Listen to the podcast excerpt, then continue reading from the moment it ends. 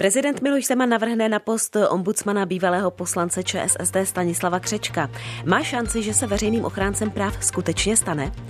Před slovenským soudem vypovídal klíčový svědek v procesu kolem vraždy novináře Jána Kuciaka. Jak důvěryhodně tato osoba před soudem působí? Nabídka krátkodobých podnájmů v Praze už přesahuje klasické dlouhodobé pronájmy. Dá se ještě v Praze vůbec žít, nebo už radní předali metropoli turistům? I o tom budeme mluvit. Tak vítejte. Den podle Heleny Šulcové. finansowe.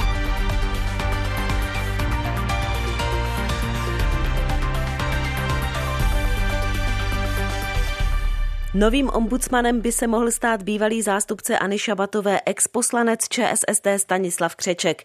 Na tuto funkci veřejného ochránce práv ho chce navrhnout prezident Miloš Zeman. Hlava státu se s tím svěřila při dnešním obědě s předsedy Senátu a poslanecké sněmovny. A po setkání to uvedl právě šéf horní parlamentní komory Jaroslav Kubera z ODS. Původní prezidentovou kandidátkou byla poslankyně hnutí Ano Helena Válková. Ta ale nominaci odmítla poté, co vyšlo najevo, že za minulého režimu napsala článek s komunistickým prokurátorem Josefem Urválkem, který se podílel mimo jiné na procesu s Miladou Horákovou. I prezident její nominaci nakonec vzal zpět. Se mnou ve studiu komentátor Českého rozhlasu Radko Kubičko. Vítej. Dobrý den. Její jméno Stanislava Křečka překvapivé? Já myslím, že není až tak překvapivé právě proto, že Stanislav Křeček má blízké názory jak Miloši Zemanovi, tak konec konců eh, vládní většině. Je to bývalý poslanec ČSSD, který vždycky stál na straně eh, prezidenta Zemana, byl ve velkém sporu právě s Anou Šabatovou, ombudsmankou, takže myslím si, že není to velké překvapení, spíš by mě překvapilo, že on sám eh, by do toho ještě šel, protože to tak trošku bylo prezentováno, když se stal zástupkyní, zástupcem tedy ombudsmankou ombudsmanky, že je to jeho eh, poslední angažmá, že to je jeho eh, konec kariéry, tak nevím, jestli by do toho sám šel. My uvidíme. se samozřejmě budeme ptát v dalších eh, pořadech, takže když budete poslouchat Český rozhlas tak plus, tak se dozvíme samozřejmě úplně všechno. Ale jedna poznámka. Narážíš na to, že pan Křeček, byť je velmi fit, tak není nejmladší, je mu 1,80. No. A že i z toho důvodu třeba by ta jeho nominace se měla zvážit? No tak já nevím, je to opravdu už věk, kdy se lidé eh, nekandidují na eh, tyto eh, funkce, když samozřejmě otázka je, jestli je to nějaká vysoká ústavní funkce. Já osobně se domnívám, že tato funkce je spíše taková formální, reprezentativní. Nevidím tam vůbec moc velký, velký vliv té funkce, ani si nemyslím, že oba ti docela známí a respektovaní veřejní ochránci práv, ať už to bylo tak Armotej nebo Anna Šabatová, že přinesli do českého prostoru něco pozitivního, že se tam opravdu opravdu něco stalo, takže myslím si, že to je spíše funkce taková symbolická, že se vyvaž, vy, vyjadřuje na veřejnosti a tak to možná bylo i bráno, když se tato funkce zřizovala, ale stejně si myslím, že eh, pan Křeček eh, už, eh, jak si bych řekl, že myslím, že i sám osobně ohlásil, že to je jeho poslední funkce. Tak nevím, no, jsem sám zvědav, jestli by takovouto funkci přijal.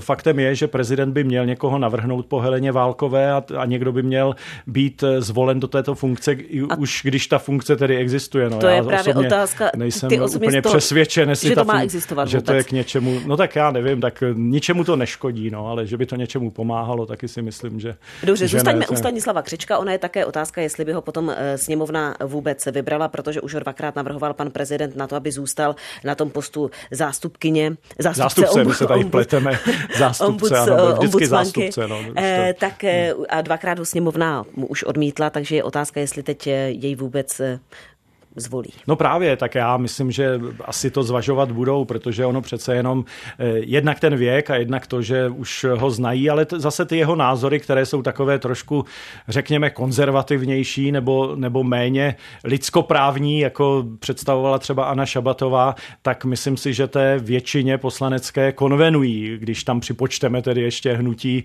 SPD Tomia Okamury, který zřejmě se do toho by asi také nějak vložili, když nevím, jestli by mu to stačilo ty názory Stanislava Křečka, protože přece jenom, ať jsou, ať jsou konzervativnější, tak jsou víceméně umírněné, možná by byly příliš umírněné mm. pro tuto stranu. Ale uvidíme, já si, jak říkám, myslím, že je to taková volba z nouze, protože Helena Válková více konvenovala. No tak Dobře, v tuto chvíli, v tuto chvíli asi není. Pan. Křeček no. je teď ve hře, tak co nám to říká o Miloši Zemanovi? Neříká nám to přesně to, co vlastně říkala Anna Šabatová jako eh, současná veřejná ochránkyně práv, že eh, se ta funkce nakonec stala politickou, že to vybírá vládní koalice jako nějakou právě politickou funkci mm-hmm. a že to není funkce nepolitická, jak by měla být, jak původně byla eh, koncipována. I když říkám, nejsem si úplně jist, jestli to bylo úplně všechno správné, ale politizuje se to. No a ta a vládní o Miloši koalice... Zemanovi tyto nominace nám říkají co o jeho síle, o jeho moci.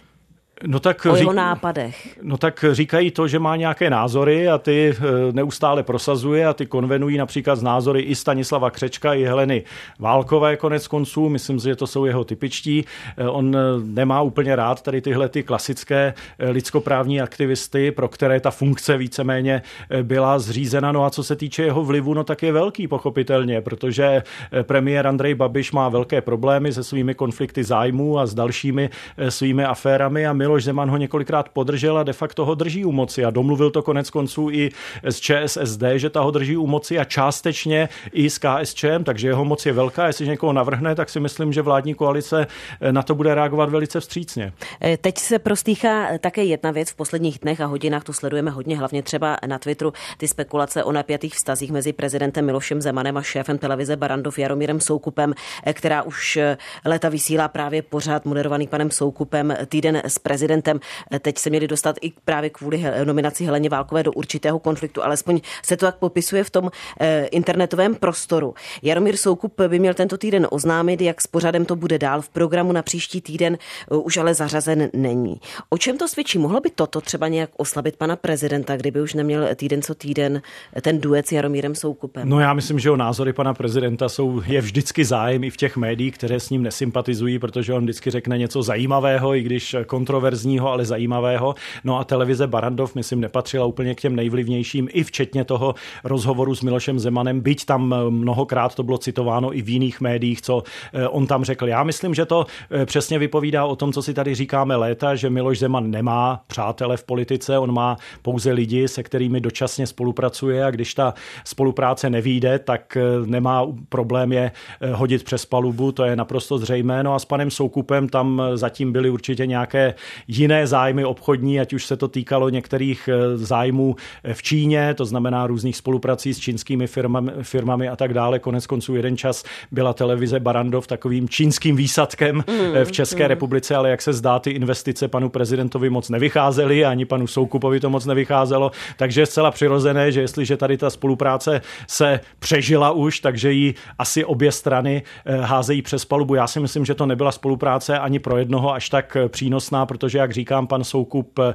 ne zcela uspěl s těmi čínskými investicemi a pan prezident Zeman také ne. No a co se týče jeho výstupu, tak už jsem říkal, ta, eh, ten jeho pořad zase nebyl úplně nejvlivnější a často byl dokonce i vysmíván eh, v některých kruzích, takže si myslím, že se vůbec nic nestane ani s popularitou pana prezidenta, ani s nepopularitou nebo s malou popularitou televize Barandov, protože ona patří skutečně k těm menším televizím, co se týče sledovanosti, když se ti dva rozejdou. Ale úplně přesně přesně do toho samozřejmě nevidíme, Počkáme do těch, si, až to do těch, do těch jejich hlav, ale myslím si, že asi to bude tím a jak sledujeme prezidenta Zemana léta, tak jak říkám, on nemá spojence, on má pouze dočasné spojence a v okamžiku, kdy to spojenectví přestane fungovat, tak on ho klidně hází za hlavu a vůbec mu to nedělá žádné problémy a proto možná v té politice se tak dlouho udržel. Radko Kubičko, komentátor Českého rozhlasu, děkuji moc krát. Naschledanou.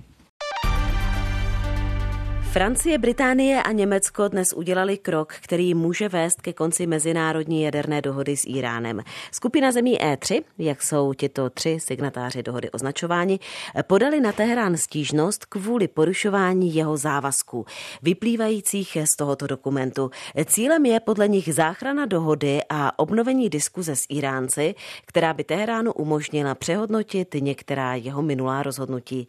Milan Slezák, zahraničně politický analytik Českého rozhlasu, rovněž se mnou ve studiu. Vítám Milane. Krásný den přeji. Eh, skutečně by to mohlo vést až ke konci mezinárodní jaderné dohody s Iránem a nakolik je ten dokument vlastně důležitý po té, co od něj ustoupily Spojené státy? Tak, hodně otázek. Já bych především řekl, že podle mého soudu ta dohoda je dávno fakticky mrtvá. Mm-hmm. Pokud jde o tu důležitost toho dohodu, eh, dokumentu, podle mého soudu, když už tedy jsem se jednou odvolal na svůj názor, ten dokument byl lepší než nic. Není dokonalý, v tom má naprosto pravdu prezident Trump. Ostatně ten dokument kritizovali také mnozí západoevropští státníci, ale je to lepší než nic, protože rozhodně zbrzdil iránský jaderný program, který budil v předchozích letech a desetiletích Eh, takové obavy, že se k sankcím OSN přihlásily také státy, jako je Rusko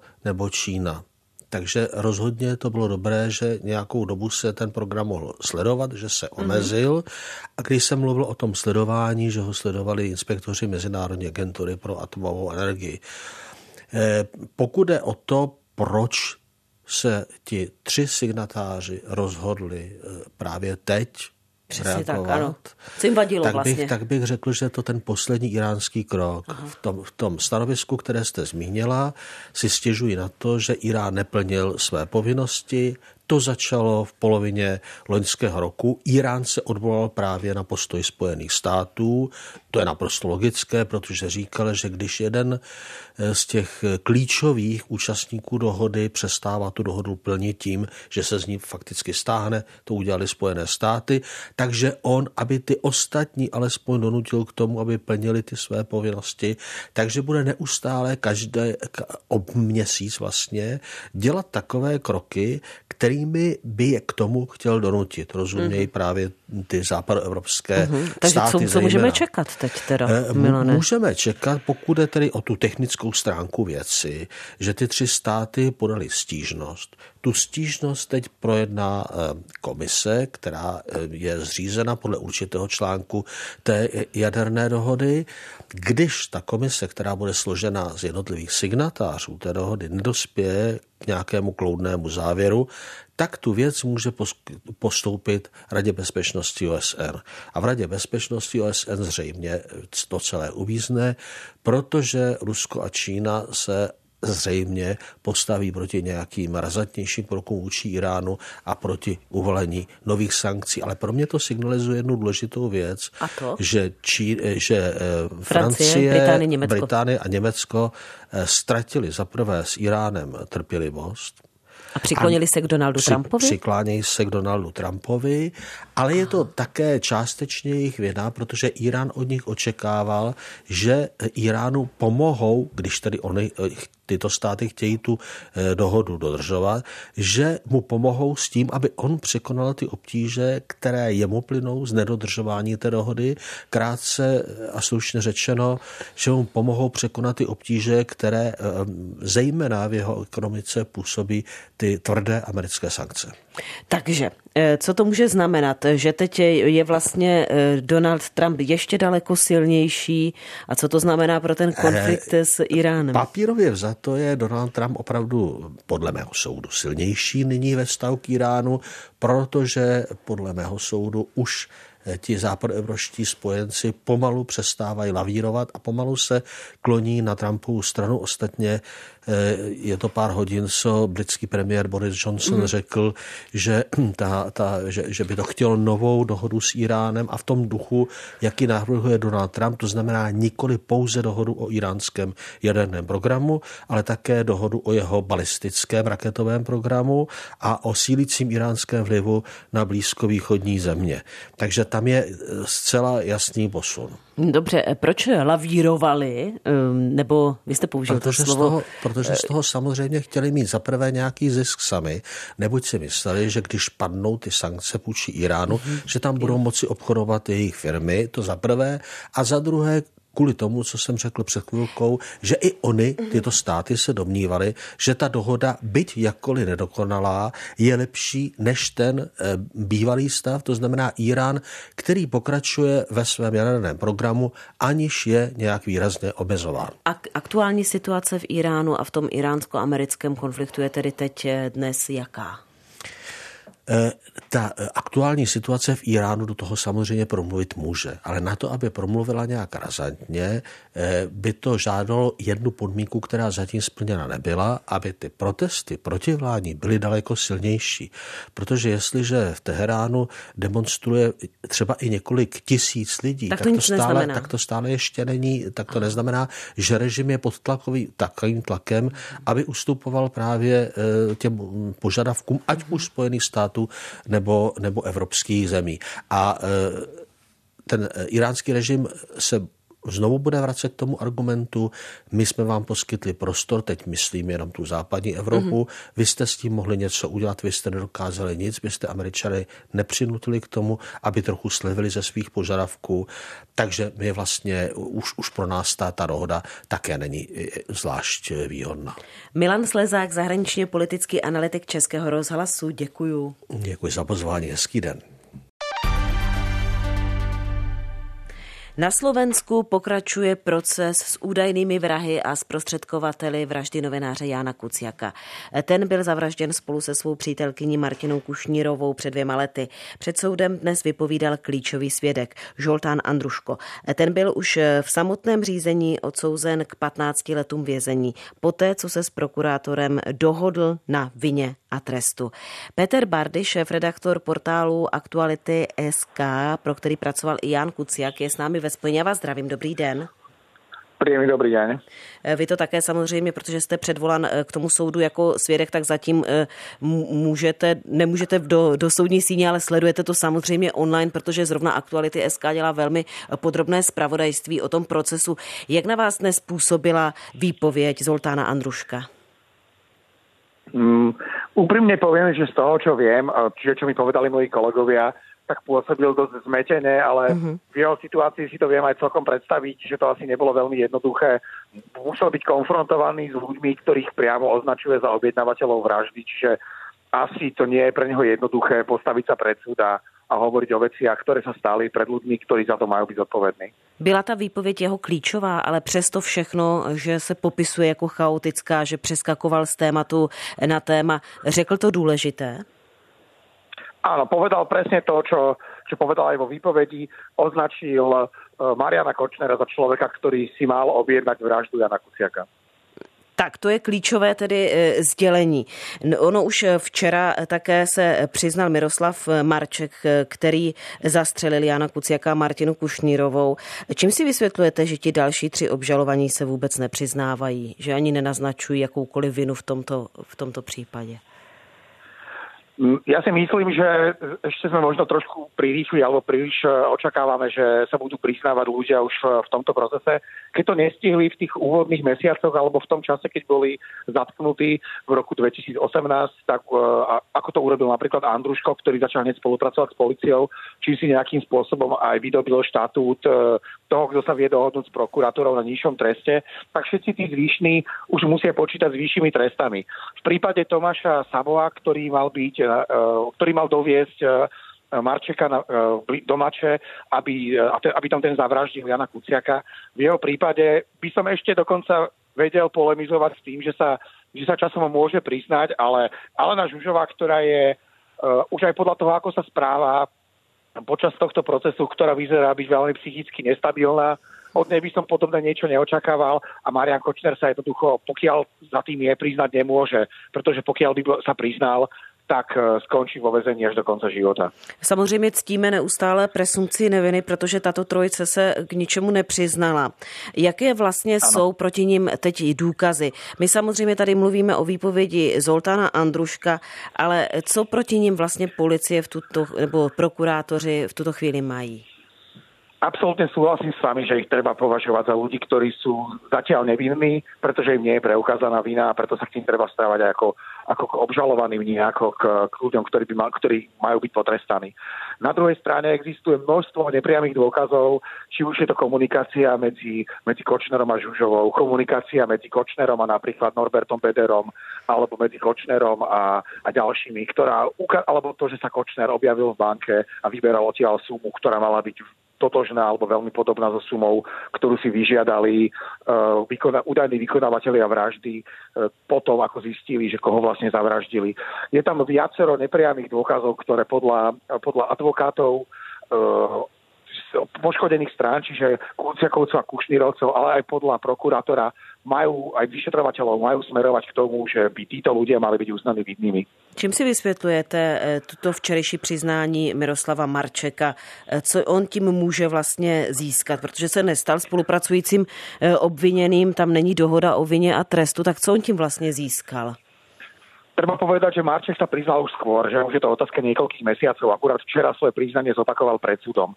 Čiže on e, skôr sa očakávalo, že, alebo teda skôr bola otázka, či, či potvrdí svoju výpoveď, ktorú, ktorú povedal a či sa teda prizná aj, aj pred súdom.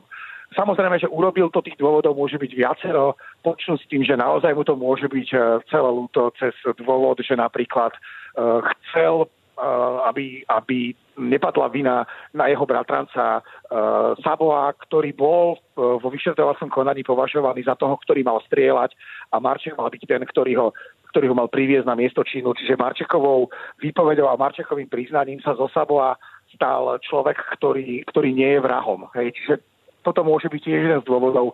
Ale samozrejme, že tým, že že hoci, alebo napriek tomu, že už sa nemôže dohadovať s prokurátorom na vine a treste, že nemôže extra kalkulovať s tým, že, že mu e, prokuratúra ponúkne nižší trest, pokiaľ bude spolupracovať s policiou, tak je možné, alebo, alebo z praxe je, je, je známe viacero prípadov, keď priznanie sa a aj olutovanie a možno aj nejaká spolupráca v čase procesu, v čase toho vlastne finálneho dokazovania tak dokáže eh, ľuďom, ktorí páchali trestné činy, znížiť hranicu trestu. Já už jsem říkala, že vy jste šéf-redaktorem portálu Aktuality SK, pro který pracoval Jan Kuciak a že jste eh, předvolán taky v rámci tohoto procesu jako svědek. Už víte, kdybyste měl přijít na řadu a eh, co od vás vlastně soud bude chtít? Podľa rozvrhu bude celá naša redakcia, respektíve zhruba šiesti z nás, ktorí sme v štatute svetka vypovedať budúci týždeň v útorok od rána od 9. Mm-hmm. Za, co tam chcete říct, co by vlastně mělo být to poslání, které tam řeknete u toho soudu? tak ja tam idem hlavne odpovedať na otázky prokuratúry a na otázky, ktoré mi budú položené. Čo viem, čo chcem povedať je to, že, že budem hovoriť čistú pravdu, nebudem nič zamlčiavať a pokiaľ sa ma spýtajú na čokoľvek a budem, uh, budem schopný na to odpovedať, tak uh, tak na to odpovím. Mhm, jak na vás zatím působí průběh toho procesu? Já když to sleduju tak z dálky a sleduju to velmi podrobně právě v tom online zpravodajství, tak působí to na mě, že to všechno jde velmi rychle, že vlastně soudkyně nestrácí čas. Včera snad až do půl sedmé do večera eh, se bylo ve soudní síni. Očekáváte, že ten rozsudek může zaznít poměrně rychle? Ja sa nikam neponáhľam, ja som sa nikam neponáhľal ani s tým, aby sa prípad vyšetril, nikam sa neponáhľam ani s tým, keď zhromažďovali dôkazy a už vôbec sa neponáhľam s tým, že kedy majú vyniesť rozsudky. Či ten prípad sa rieši rýchlo alebo pomaly, to naozaj ja nechcem riešiť. Ja chcem vedieť uh, takisto ako slovenská verejnosť a takisto ako tí, ktorí prišli o svojich najbližších, mena zodpovedných a chcem, aby boli potrestaní. Všetko ostatné je absolútne, ale absolútne irrelevantné. Tento prípad navyše vnímam veľmi osobne. To, že vám sa to zdá, e, že to ide rýchlo, chápem tomu, z môjho pohľadu tam vidím neskutočne smutné tváre e, pani Janky Kuciakovej matky zavraždeného Jana, alebo vidím tam pána, pána Jozefa Kuciaka, jeho otca, alebo brata jo, Joja Kuciaka, ktorí tam musia stáť a sú konfrontovaní s ľuďmi, ktorým, ktorým podľa obžaloby mali zavraždiť deti alebo objednať si vraždu ich, ich dieťaťa. Mm-hmm. Okrem toho tam dnes Alena Žužová konfrontovala matku zavraždenej Martiny Kušnírovej s otázkou, či si je vedomá, že existuje prezumcia viny. E, Žužová s Kočnerom sú cynici, úplne neludskí pôsobiaci ľudia, ktorí sa vyjadrujú o zavraždených a aj vyjadrovali o zavraždených s obrovskou dávkou disrespektu. A ja mám, toto je pre mňa to, čo mne, mne spôsobuje najväčšiu bolesť. Či ten, či ten súd prebieha rýchlo alebo pomaly, to dnes nie je podľa môjho názoru, alebo pre mňa témou, pre mňa je témou, aby naozaj pokiaľ sú tí ľudia, ktorí sú dnes súdení, zodpovední za tú vraždu, aby boli spravodlivo odsúdení a spravodlivo potrestaní. Říká Peter Bardy, šéf redaktor portálu Aktuality SK, pro který pracoval Jan Kuciak. Děkuji moc krát, nashledanou. Ďakujem, pekný večer prajem. Posloucháte Den podle Heleny Šulcové. Výběr událostí s nezaměnitelným rukopisem. Premiéra od pondělí do pátku po 17. hodině na Plusu. Praze 1 vznikla nová koalice. Strany se dohodly ještě před odvoláním současného starosty Pavla Čižínského kluby stran ODS, Hnutí Ano a klub My, co tady žijeme, ve kterém je například Hnutí Stan, KDU, ČSL nebo TOP 09, uzavřeli koaliční dohodu. Starostou by měl být Petr Hejma z Hnutí Stan. Co se v původní koalici Prahy 1 stalo? Takže klub My, co tady žijeme, před Vánoci vypověděl koaliční smlouvu s Prahou 1 sobě. Piráty a zelenou pro jedničku. Odůvodnil to manažerským selháním pana Čižínského. Z klubu My, co tady žijeme, po vypovězení koaliční smlouvy smlouvy vystoupil potom Martin Kotas a naopak do něj vstoupili tři zastupitelé TOP 09. Klub má nyní šest zastupitelů, ODS má pět křesel a ano dvě dohromady, tedy 13 členů, což znamená těsnou většinu v 25 členem zastupitelstvu. Pokud jste tu myšlenku udrželi až doteď, tak teď vám ji ještě rozvedeme. Mým hostem je Petr Holec, komentátor serveru Info.cz. Zdravím vás, Petře, dobrý den. Dobrý den. Byl pan Čižinský opravdu špatným manažerem, nebo to byla jen záminka pro zbourání té radniční koalice? Já myslím, že to záminka nebyla. On byl absolutně neskušeným politikem, na rozdíl, jeho brat, na rozdíl od jeho bratra, který vlastně e, dneska starosty Prahy 7 a šéfa Prahy sobě, který začínal u lidovců a, a prostě už byl zkušený, tak jeho bratr ho, ho udělal vlastně volebním lídrem Prahy sobě e, jedna a současně, když to řeknu v úvozovkách, dohlížel na, na jeho práci, dával mu kruce i lidi, ale bohužel jeho bratr se skutečně ukázal jako špatný manažer, on, on když to řeknu, na tu funkci neměl. Mm-hmm. E, ale přesto se tím starostou stal. On naopak říká, víte, pane Holče, že se mu dařilo rozkladat ty staré mocenské struktury. Je možné, že by jej porazilo právě toto, nebo to je taková fráze jenom? To je samozřejmě ta retorika těch nových hnutí, které přišly do politiky, jako je Praha v sobě a jako jsou Piráti. A eh, to, to byla jejich volební rétorika. Praha jedna sobě vlastně vyhrála volby s tím, ale eh, vlastně Pavel Čížinský dobře věděl, že, že ty volby mu vlastně vyhrál bratr, který předtím už dokázal vyhrát dvakrát volby v Praze 7 a dneska vlastně vstupuje současně do, do celostátní politiky. Takže to eh, na, na, na, na té radnici Prahy 1 skutečně, co já vím o, o, o těch ostatních zastupitelů, tak byly problémy s tím, že on to nebyl schopný řídit ani politicky, ani řekněme personálně manažersky. To znamená, že byl problém jak politický, tak eh, v té v v úřední části té, té radnice. Mm-hmm. Bude Petr Hejma lepší? Petr Hejma je určitě zkušený, už, uh, už starostou Prahy 1 byl a vlastně svým způsobem vstupuje e, znovu do stejné řeky, protože já s okolností jsem byl kdysi osobně jako reportér ještě na, na, na jeho odvolávání z funkce starosty Prahy 1, to tuším bylo v roce 2010 nebo 11, kdy ještě na Praze 1 v úzovkách řádili věci veřejné a, a, a vlastně všechno to bylo tehdy scenované taky. A takže Petr Hejma se vrací, když to řeknu, na místo činu a a určitě zkušenější než, než uh, Pavel Čižinský. Jak se díváte vůbec na ten slepenec stran, které tam teď vytvořili tu koalici? Tam je Pane Holče, úplně všechno. Tam je STAN, KDU, ČSL, TOP 09, Hnutí Ano, ODS, tam je od každého něco. To se to úplně přesně. Tam, já se, eh, vidíme, že je to problematické, protože vy jste řekla, že je tam úplně všechno a, a to, to jste řekla přesně, protože vidíme, že, že, že vlastně tam zůstal jakoby zbytek nebo v nějakém úbytku ty tradiční politické strany a současně se do toho nabourali ta nová hnutí, jako je Praha, Praha jedna sobě a Piráti. A vlastně to můžeme vzít i přes kopírák. To samé se stalo na, na Velké radnici, na magistrátu Pražském, kde vlastně vidíme, že, že, že Pražská koalice nejvíce všeho řeší vlastní spory taky. A vidíme, že ty identické problémy vlastně mají ty tradiční politické strany združené ve Spojených silách pro Prahu s tou samou Prahou sobě a Piráty akorát ve velkém. Mm. Takže si myslíte, že to nevydrží dlouho, tady toto spojenectví všeho možného? Eh, na Praze 1? No, na Praze 1. No já, teď samozřejmě je to velká koalice, ale je, je to, když řeknu, na Praze 1 se podařilo těm, těm tradičním politickým stranám z toho, z toho združení My, co tady žijeme, vlastně zlomit jakoby na svou stran, stranu ANO a ODS, což se ovšem zatím nedaří na magistrátu spojeným salám pro Prahu, protože tam ODS a ANO e, zatím s gustem sledují, jak se ta, ta pražská koalice potápí sama. Takže tady samozřejmě, oni, oni teď samozřejmě na Praze 1 se budou snažit, aby dokázali, že, že ten experiment s Piráty a Prahou jednou v sobě se nepovedl a že by se voliči měli vrátit těm tradičním politickým stranám, s nimiž mají i když mnohdy špatnou, tak přes jenom delší zkušenost, aspoň věci fungovaly nějak. Tak to říká Petr Holec, komentátor serveru Info.cz. Děkuji vám moc krát. Naschledanou. Díky, naschledanou. Britský premiér Boris Johnson odmítl komentovat záměr prince Harryho a jeho manželky Meghan získat větší nezávislost na monarchii. BBC dnes řekl, že královská rodina podle něho určitě všechno zdárně vyřeší. A určitě tomu pomůže, když on se k záležitosti vyjadřovat nebude. Za to Justin Trudeau, premiér Kanady, který, kde chtějí vévoda a vévodkyně ze Sussexu částečně bydlet, už dal najevo, že není úplně nadšený. Podle něho je potřeba ještě ještě probrat třeba to, kdo bude platit ochranku Harryho a Meghan.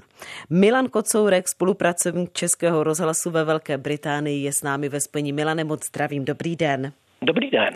Britská královna Alžběta II. včera svému vnukovi a jeho ženě vyjádřila podporu, co do dnešního odpoledne prosáklo z toho eh, včerejšího krizového samitu, jak to nazvala britská média.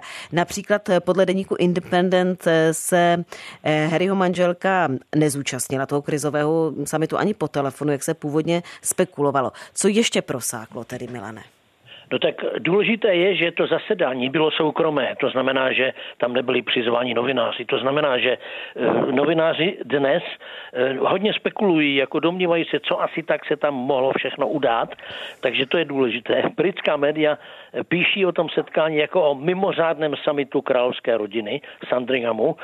Pokud slovo krize bylo, tak jsem ho zatím neviděl, ale je možné, že některé noviny toho slova použili. Například šéf-redaktor londýnského večerníku standard.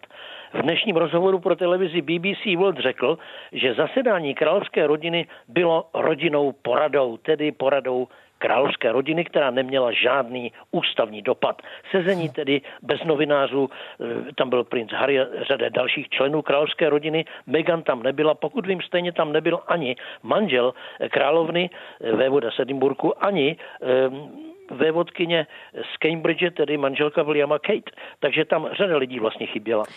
Už se ví, jak by měl ten nový život Harryho a Meghan vypadat, čím by se mohli živit a jak vlastně bude vypadat ten jejich status, protože královna to chtěla v řádu dnů oznámit po tom včerejšku, ale zatím eh, nic neprosáklo. Dobře, tak řád dní znamená, že to není. že to není do hodiny. je, ne, já si počkám. je, pravda, je pravda, že eh, o tom se právě hodně spekuluje přesně, eh, s čím, čím by se mohli živit, z čeho budou žít a podobně. A to je to, co královna v prohlášení, které vydal Buckinghamský palác, právě uvádí. Přímo se k tomu vyjadřuje. To je psáno jako skutečně prvním, prvním pádem já a moje rodina. Jo. Takže to je, to je dost také odhalující, dá se říci. Takže o tom právě hodně novináři dnes eh, píší. A Harry a Meghan ve svém překvapivém vzkazu na Instagramu, to už je z 8. ledna, uvedli, že chtějí být finančně nezávislí.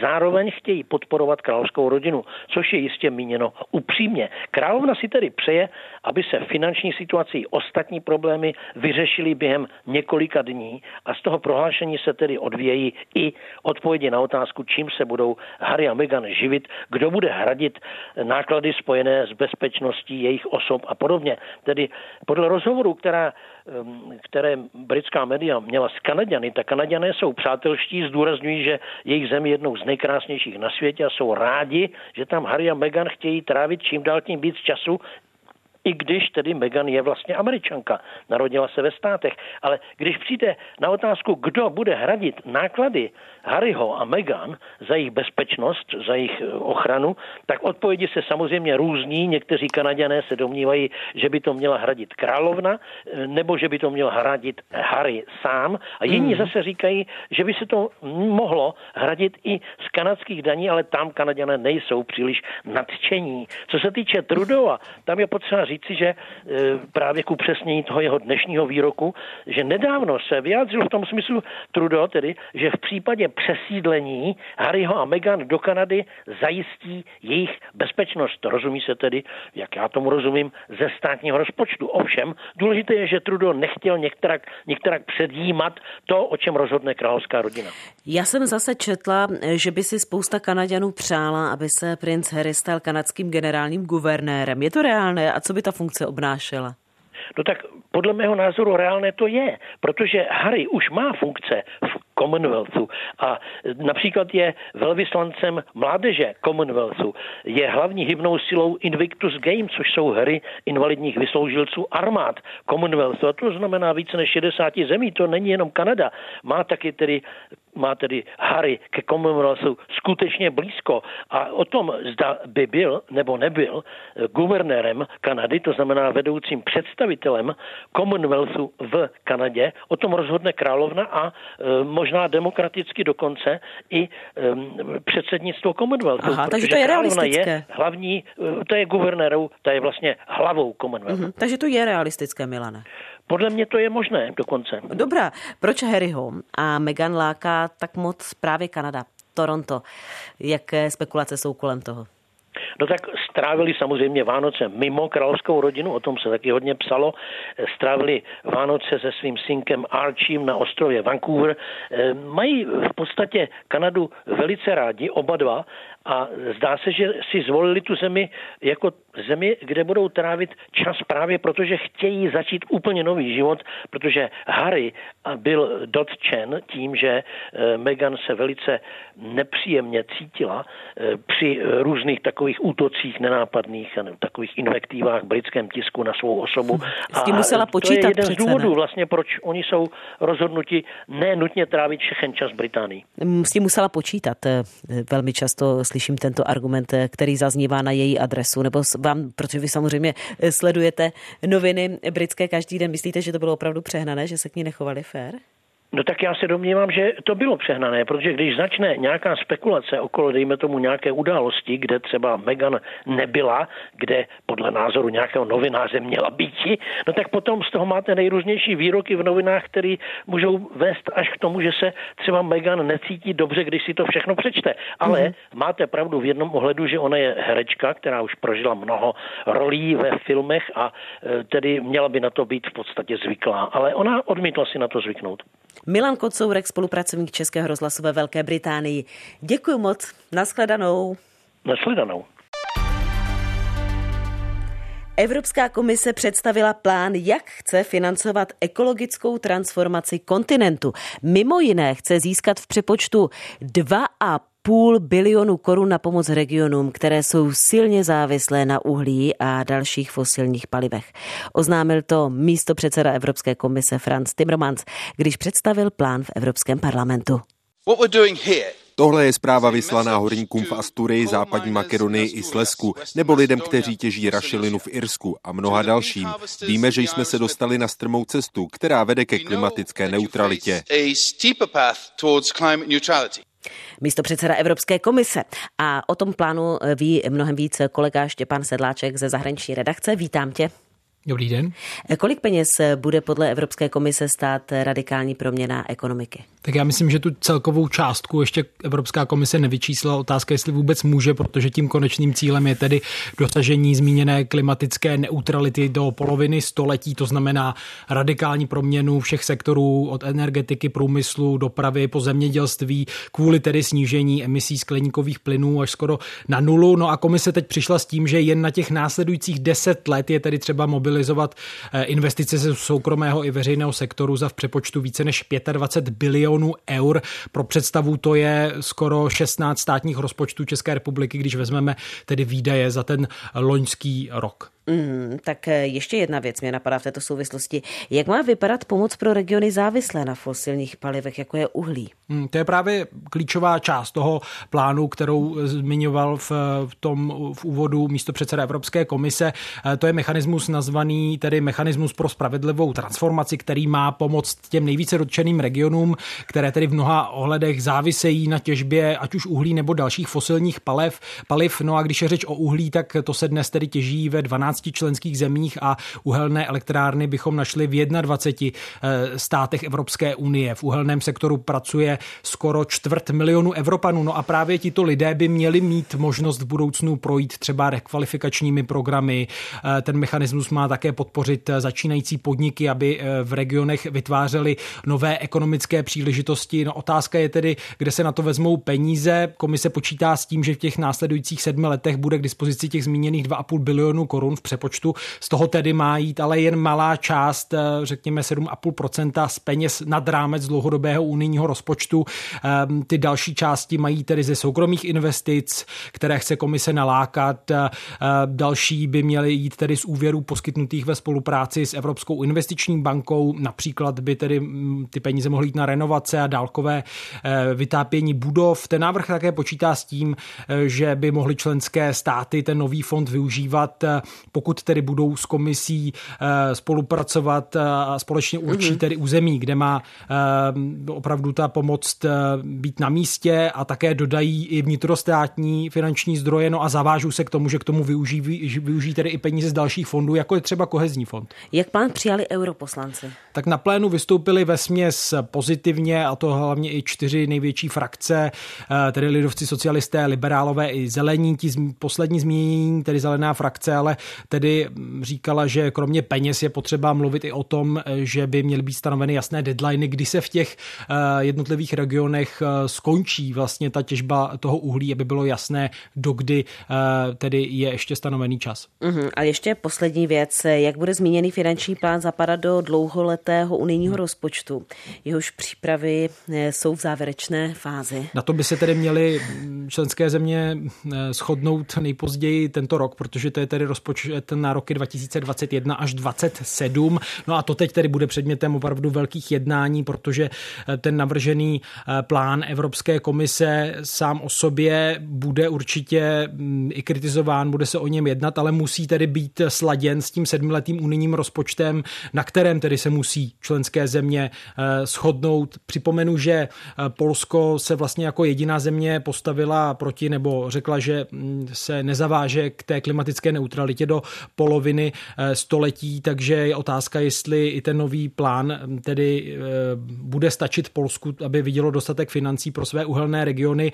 No a novější členské země se letos také opakovaně ohradili proti omezování prostředků na tu zmíněnou kohezní politiku a to se týká i České republiky, takže otázka, jak teď budou jednat o tom, že by ty peníze na klima měly jít z koheze nebo neměly, o tom všem tedy jednání mm. v mhm. následujících eh, měsících, ale už i týdnech. Štěpán Sedláček ze zahraniční redakce, děkuji moc krát. Naslyšenou. Když chcete vědět proč. Český rozhlas plus. Ahoj, jmenuji se Klára, je mi 25 let a žiju v Praze, magickém městě střední Evropy. Takto začíná text nabídky krátkodobého pronájmu, se kterým se, jak píší novinky CZ, dotyčná zaregistrovala na webu Airbnb. Pro návštěvníky hlavního města má ale připravený ne jeden, ale, a teď dobře poslouchejte, hned 70 bytů. Neplánuje se tedy podělit o vlastní bydlení, jak byla původní myšlenka platformy Airbnb.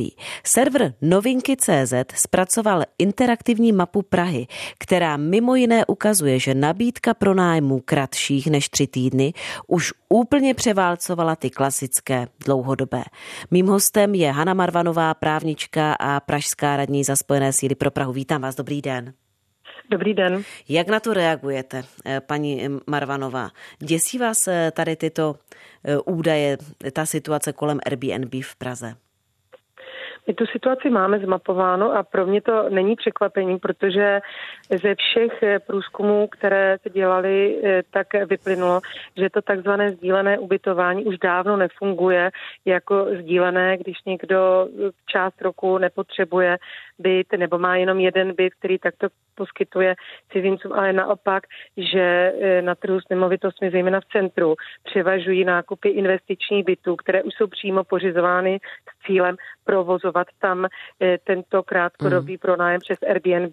Často A je to i v inzerci, když si člověk pro, pro, pro, projíždí ty různé inzeráty, tak je to tam často i takhle vysloveně napsáno, že to je in, výborné na investiční byt, nebo že už to tak funguje, že tam jezdí cizinci, že je možné v tom pokračovat a tak podobně. A já si říkám, a co vy s tím děláte na tom magistrátu? Děláte s tím něco, paní doktorko?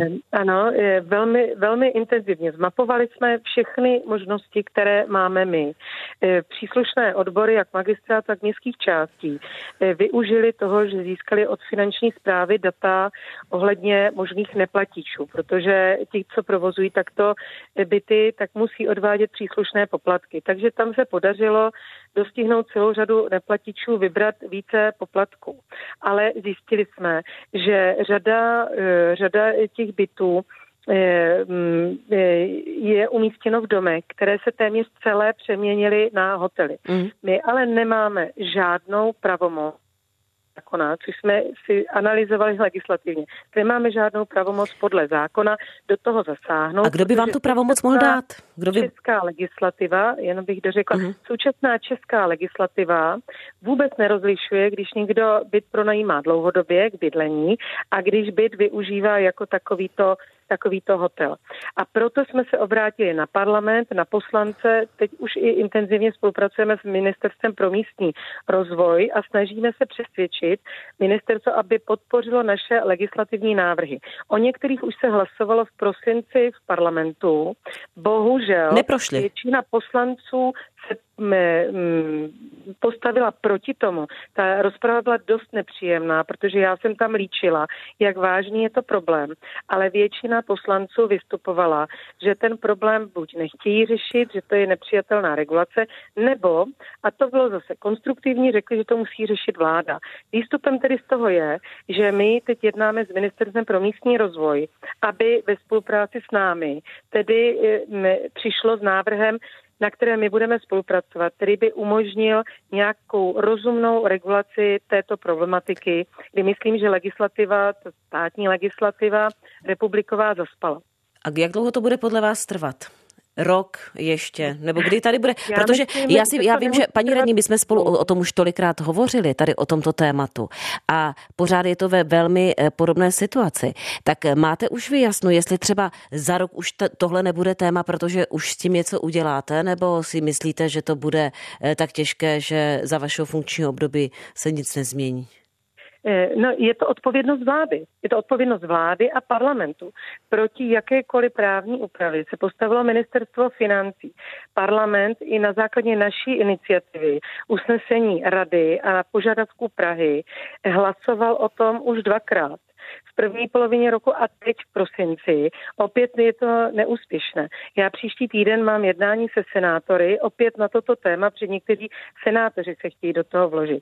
Ale my lidem vysvětlujeme, pokud nám zákony nedají pravomoc, abychom mohli regulovat tuto oblast, tak my to nemůžeme udělat, protože by to byl protiprávní postup. Takže ten, koho je třeba se ptát, je vláda, vláda a ministerstvo. premiér a ministerstvo pro místní rozvoj a ministerstvo financí. My jinak se ale toho nezříkáme a jsme připraveni intenzivně s těmi ministerstvy spolupracovat, což teď už s ministerstvem pro místní rozvoj probíhá, takže ten návrh, o kterém se hlasovalo eh, v prosinci v parlamentu a sice neprošel, tak už eh, jsme ho vytvořili společně s Ministerstvem pro místní rozvoj a byl legislativně i ústavně v pořádku. Rozumím, takže a už je to v běhu. Ano. A dal by nástroje, to je to, co jsme požadovali, že podle principu subsidiarity by obce, města měly mít možnost přijmout nějakou místní úpravu, jako můžeme vyhláškou upravovat pyrotechniku, ohňostroje, můžeme upravovat tržní řád, tak bychom měli mít možnost třeba v tom centru upravovat tuto problematiku. A ideální stav by podle vás byl tedy jaký? Že by se mohlo to třeba pronajímat jenom na určité, určitý počet dnů v roce, nebo že by ten ten člověk mohl pronajímat jenom pokoj. Víte, jak by to mělo vypadat? Protože třeba v Berlíně to docela zregulovali, eh, tak jaká je ideální představa? A poprosím stručně, protože máme, už se nám blíží máme dvě, zprávy. Dva body. Máme dva body, které bychom chtěli prosadit především.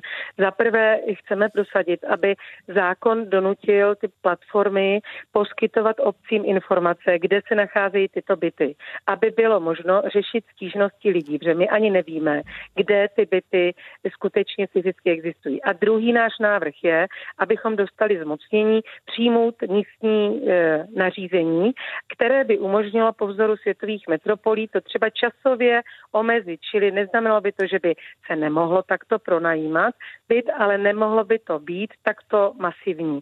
Je to sice mimořádné opatření, Rozumím. ale já si myslím, že situace je poměrně vážná a proto i světové metropole to řeší. Říká Hana Marvanová, právnička a pražská radní za Spojené síly pro Prahu. Děkuji vám moc krát, nashledanou. Děkuji, nashledanou. Vám děkuji, že jste poslouchali a za chvilku, jak už jsem avizovala, tu pro vás budou další zprávy. Helena Šulcová přeje hezký zbytek ne.